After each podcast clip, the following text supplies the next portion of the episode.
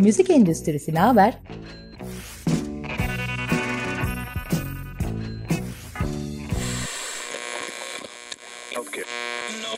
Müzik endüstrisinin her alandaki dinamikleri.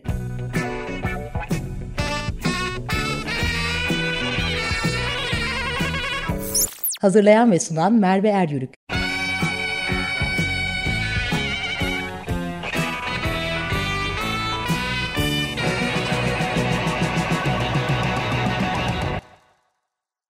Merhaba, Müzik Endüstrisi Ne Haber programına hoş geldiniz. Endüstrinin farklı alanlarını ve endüstriye özel meslekleri ve meseleleri konuklarımla beraber konuşuyoruz. Çok derinlemesine konuşamadığımız zamanlar oluyor ne yazık ki zaman kısıtlamasından dolayı ama üstünden bence fena geçmiyoruz. Önceki programlarımızı Açık Radyo web sitesinden ve Spotify gibi dijital platformlardan Müzik Endüstrisi Ne Haber yazarak bulabilirsiniz. Bu haftaki konuğumla ya uzun zamandır konuşmak için can attığım bir alana dalış yapacağız. Sürekli öteliyordum ta ki bu yaza kadar yaşadığımız Mayıs seçiminden sonra böyle Haziran ayında bir e, nefis bir kültür sanat edebiyat dergisinde bir nefis bir yazıyla karşılaştım. Başlığı seçim müzikleri, reklam kampanyası mı, toplumsal hareket mi diye bir yazıydı. Bu şahane yazının sahibi Bengi Çakmak bu haftaki konu. Hoş geldin Bengi. Merhabalar Merve, hoş bulduk. Bengi kültür sosyolojisi alanında çalışan, bir yandan da müzik alanına özel bir merakı olan e, bir akademisyen desem sence eksik anlatmış olur muyum? Ya o doğru. Yani iyi bir özet bence. Tabii bunun çok daha ötesinde ama en azından özeti, en azından müzik endüstrisi tarafına dokunan kısmı için kısacık bir özet. Hı hı. Yazına bayılmıştım Bengi. Yani böyle tam olarak da işte müzik, yani müzik koca bir güç ve dokunduğu her yeri aslında böyle çok etkiliyor. Siyaset kısmında da, politika kısmında da nereleri etkiliyor derken senin yazınla karşılaşmak bana çok iyi gelmişti ve orada da çok güzel böyle hem anlatma şeklin hem örneklendirmen ve sonunda yazıda anlattığım filmi de seyretmiştim. Şimdi onlara da değiniriz. Ee, öncelikle şunu sormak istiyorum. Ee, şöyle bir şey bir giriş yapayım. Müzik ve siyaset iki farklı dünyanın dünyanın kavramı gibi aslında gözüküyor ama aslında biri biriyle iç içe girdiğini görmek çok yanlış olmuyor diye düşünüyorum. Çünkü tarihe baktığımızda müzik toplumu ve toplumu yönetenler arasında bir iletişim aracı diye görüyorum zaten. Yazında da sen de öyle anlatıyorsun. Yani yöneticileri desteklemek, yöneticileri eleştirmek, protesto etmek için çok sıkı bir iletişim aracı. Sence müziğin sahiden siyaset üzerinde bu kadar büyük bir etkisi var mı? Yani çok iyi bir şarkı seçsek kitleleri sürükleyebilir miyim? Sana bir sorayım. Öncelikle teşekkür ederim. Yani hem yazımı okuduğun hem takdir ettiğin için burada olmak da çok güzel. Ee, soruna da şöyle başlayabilirim aslında cevap olarak. Yani müzikle siyaset aslında hiç e, farklı alanlar değil. E, müziğin müzik olarak ayrı bir şey olarak değerlendirilmesi de çok modern aslında. Yani öncesinde bir kere zaten şiir, müzik, e, ağıt e, gibi farklı sosyal ritüeller, e, birlikte yapılan faaliyetler, paylaşımlar e, veya bireysel duygular, bütün bunlar aslında şu an müzik olarak ayrıştırdığımız şeyin ta kendisiydi. Dolayısıyla müzik her zaman bir güç olarak ve bir ifade biçimi olarak hayatımızın bir parçasıydı. Hala da öyle. Dolayısıyla bunun tabii ki politik bir tarafı da var. E, ve bu farklı şekillerde de aslında bir şekilde araçsallaştırılmış. Yani benim e, özellikle müzikte çalıştığım alan e, müzik ve politika ilişkisi değil ama tabii ki bu en e, bildiğimiz, en çok karşımıza çıkan işlevlerinden biri bir yandan da müziğin. E, bunun örneklerini örneğin e, çeşitli militer müzik türlerinde ve oluşumlarında görmek mümkün. Bizim için belki en tanıdıklarından biri mehter takımı ve mehter marşları olabilir. Ee, ya da işte farklı orduların, farklı devletlerin, farklı dönemlerde müziği kullanma biçimlerini bu bağlamda düşünebiliriz. Bütün bunlar aslında müziğin harekete geçirici gücü ve e, belli bir anda, belli bir mekanda insanlar bir araya gelip bir şeyler söylediklerinde, bir şey dinlediklerinde e, ve tabii ki bunun içerisinde dans veya bir takım bedensel hareketler girdiğinde daha da yoğunlaşıyor. Aslında oradan kolektif bir gücün, bir coşkunun doğması.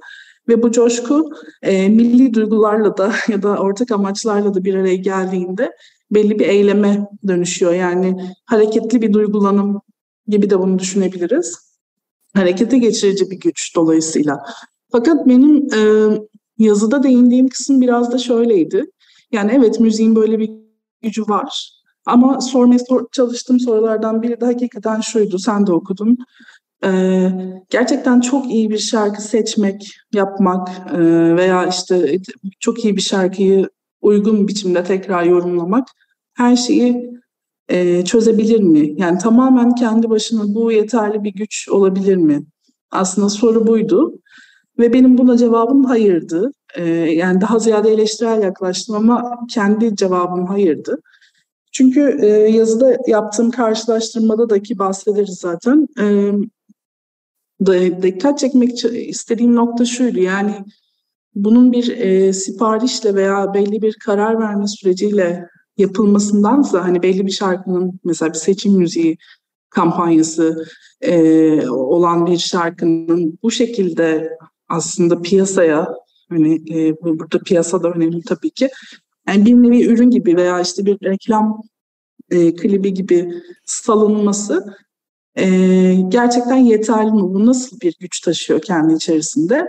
Ben bunu müziğin gücünden biraz daha ayrıştırıyorum aslında. Çünkü müziğin gücü olarak bahsettiğimiz şey daha ziyade e, oradaki e, oluşumun kendiliğinden ve e, doğal akışta insanları, toplulukları bir araya getiren kolektif üretimin bir e, sonucu, yaratımı, bir ürünü olarak ortaya çıktığındaki güçten aslında e, bahsediyorum. Ve ben bu güçle e, müziğin bir işte reklam aracı olarak veya bir ürün gibi metallaştır, metallaştırıldığı durumdaki halini birbirinden ayırıyorum. Yani her iki durumda da bir güç varsayılıyor ve bu güçten faydalanılıyor. Fakat bir tanesi çok daha tabandan şekillenen e, ve zaman içerisinde aslında oluşan e, ortak kolektif bir duygulanın bir hareketken bir diğer tarafta da aslında e, kültür endüstrisinden çok aşina olduğumuz şekilde bir ürün ortaya çıkarma süreci var gibi görüyorum. Benim e, odak noktam buydu. Yani aslında tek başına tamam çok güçlü ama tek başına yetmez. Ben şahane tüyleri diken diken sipariş müzikle siyasete atılsam bana oy vermezler. Mutlaka başka bir koca bir oluşumunda oluyor olması gerekiyor kısmıyla. Şimdi birazdan çalacağım şarkını da böyle arkadan çalmış oldum. Dolayısıyla yazında da bunu belirttim. Yakın tarihte aslında ben şeyi de gözlemlemiştim. Mayıs ayındaki yapılan çalışmalarda da böyle değişik değişik müzikler dinlemiştik Cumhurbaşkanlığı seçiminde. Hı hı. Orada çok radikal bir şarkı mesela hatırlamıyorum ben bizi sürükleyen ama yazında bir e, başka bir ülkenin e, seçimiyle ilgili olarak bir örneklendirme yapısı. Onu biraz anlatır mısın? Hem şarkıya sürecin akması ve e, o tarihte ne yaşandığıyla ilgili belki örneklendirmek daha da kafamızda netleşmiş olur. Hı hı. Ya aslında ben e, yazıda şeyden bahsetmiştim. E, Şili'de 1970'lerdeki e, Pinochet rejimi ve onun daha sonrasında 88'de e, bu darbe rejiminin e, belli bir referandum süreci sonunda e, buna son verilmesi sürecinden müzik bağlamında bahsetmiştim o dönem olup bitenlerden. Ve burada da No filmini aslında örnek olarak vermiştim. E, no filmini ilk izlediğimde 2012'de e, çıkmış bir film bu. E, ve sonradan defalarca izledim. E, no filminde aslında gerçekten de reklamcılık ve pazarlama e, perspektifinden ele alınıyor bu süreç. Yani o dönemde e, seçim kampanyasına reklamcı olarak katılan fakat aslında işte sol hareketin e, bir parçası olan bir karaktere odaklanılıyor. E, dolayısıyla ortaya konan e, şarkılar ve o süreç gerçekten de kitlelere hitap etsin diye hani düşünülerek, karar verilerek bir ürün gibi dediğim gibi tasarlanan e, bir şeyken aslında biz tarihsel olarak baktığımızda o süreçte ortaya çıkan hareketin yani e, benim yeni Türkiye e, Türkçeleştirebileceğimiz ve öyle bahsedeceğimiz e, hareketin Latin Amerika'da ne kadar da e, Latin Amerika'da ve özellikle Şili'de ne kadar da kendiliğinden ve tabandan e, örgütlenen harekete geçen bir sürecin parçası olduğunu görüyoruz.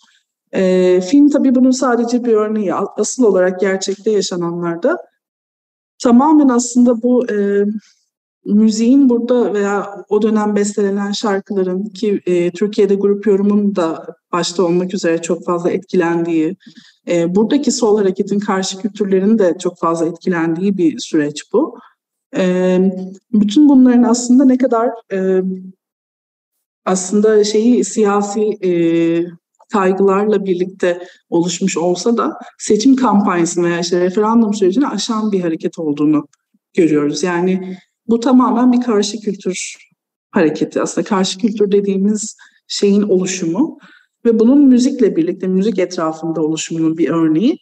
E, bence burada ilginç, en e, ilginç ve değerli olan şeylerden biri tabii ki bu bunun tarihsel bağlamı ve önemi de var. Yani 68 kuşağı ve 70'lerin e, politik duygulanımıyla ve o, o dönemin e, ruh halleriyle aslında tabii ki alakalı bir şey bu birazcık da. Ama e, müziğin gerçekten de o e, daha ham, kendi halinde, kendiliğinden sahip olduğu gücün açığa çıktığı bir süreç olarak görüyorum. Ee, yani romantize etmek şeklinde bahsetmek istemem bu arada. Çünkü bence bu müziğin zaten hali hazırda sahip olduğu bir güç. Fakat biz bunu bugün belki bu şekilde deneyimlemiyoruz yeterince. Yani bu da bir soru işareti olarak bence kalmalı akılda.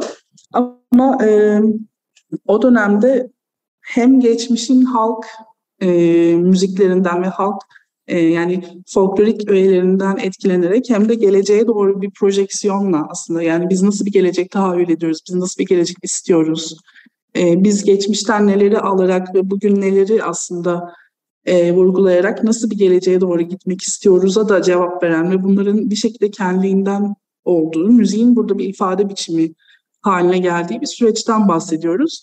Bu e, yeni Türk hareketi diyebileceğimiz e, hareketin aslında temel özelliği bu ve tabii ki Şili'ye özgürlük e, üzerinden hatta Bulutsuz Gözleminin de Şili'ye özgürlük adlı bir şarkısı var.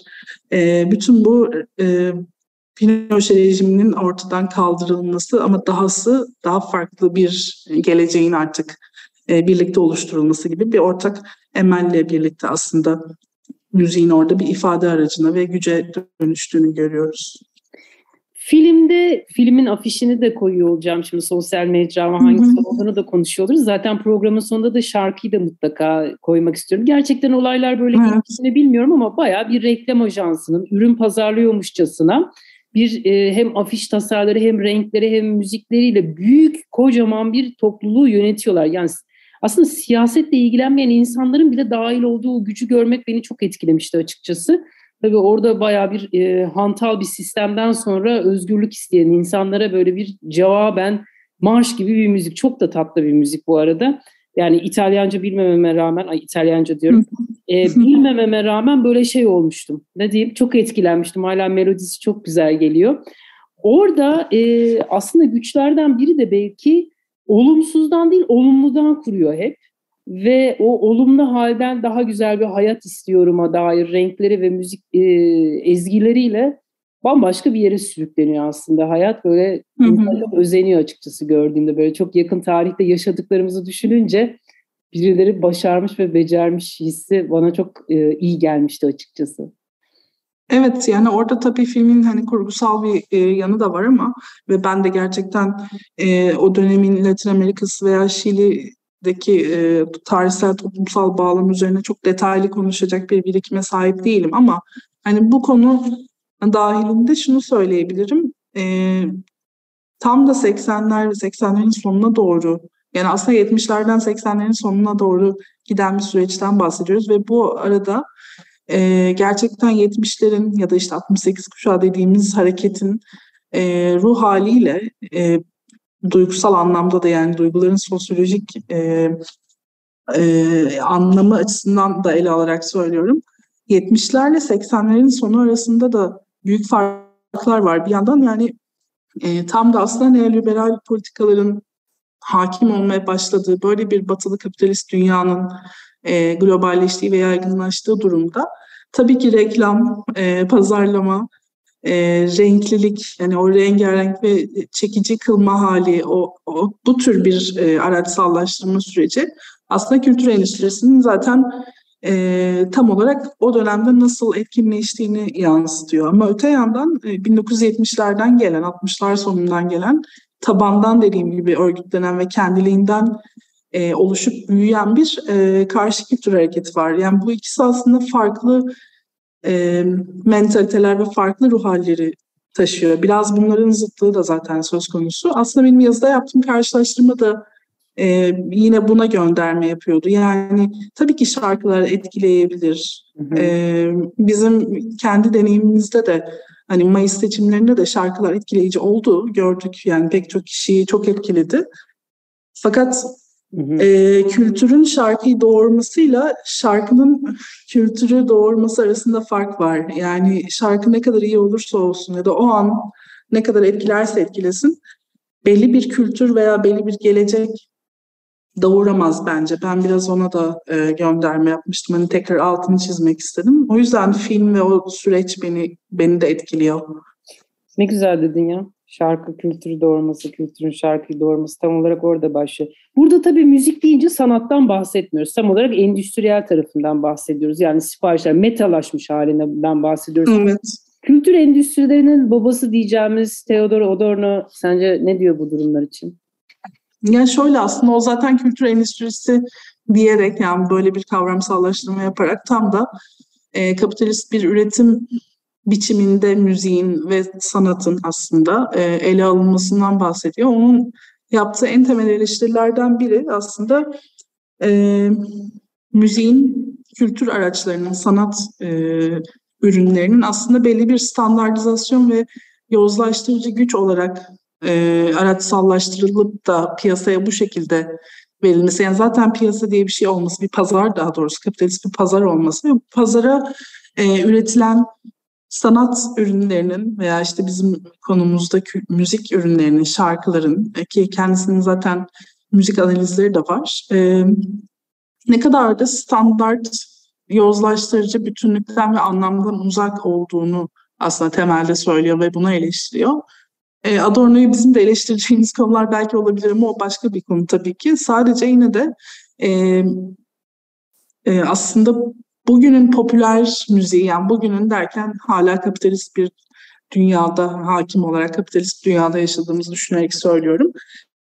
Ee, işte o nakaratların tekrarı, tekrarlayışı, altının boş oluşu e, ve bütün bunların aslında sadece kitleleri etkilemek için hatta toplumu veya toplulukları kitleye dönüştürmek için bir şekilde pasifize edici bir güç taşıdığını ve bu amacı taşıdığını söylüyor Adorno.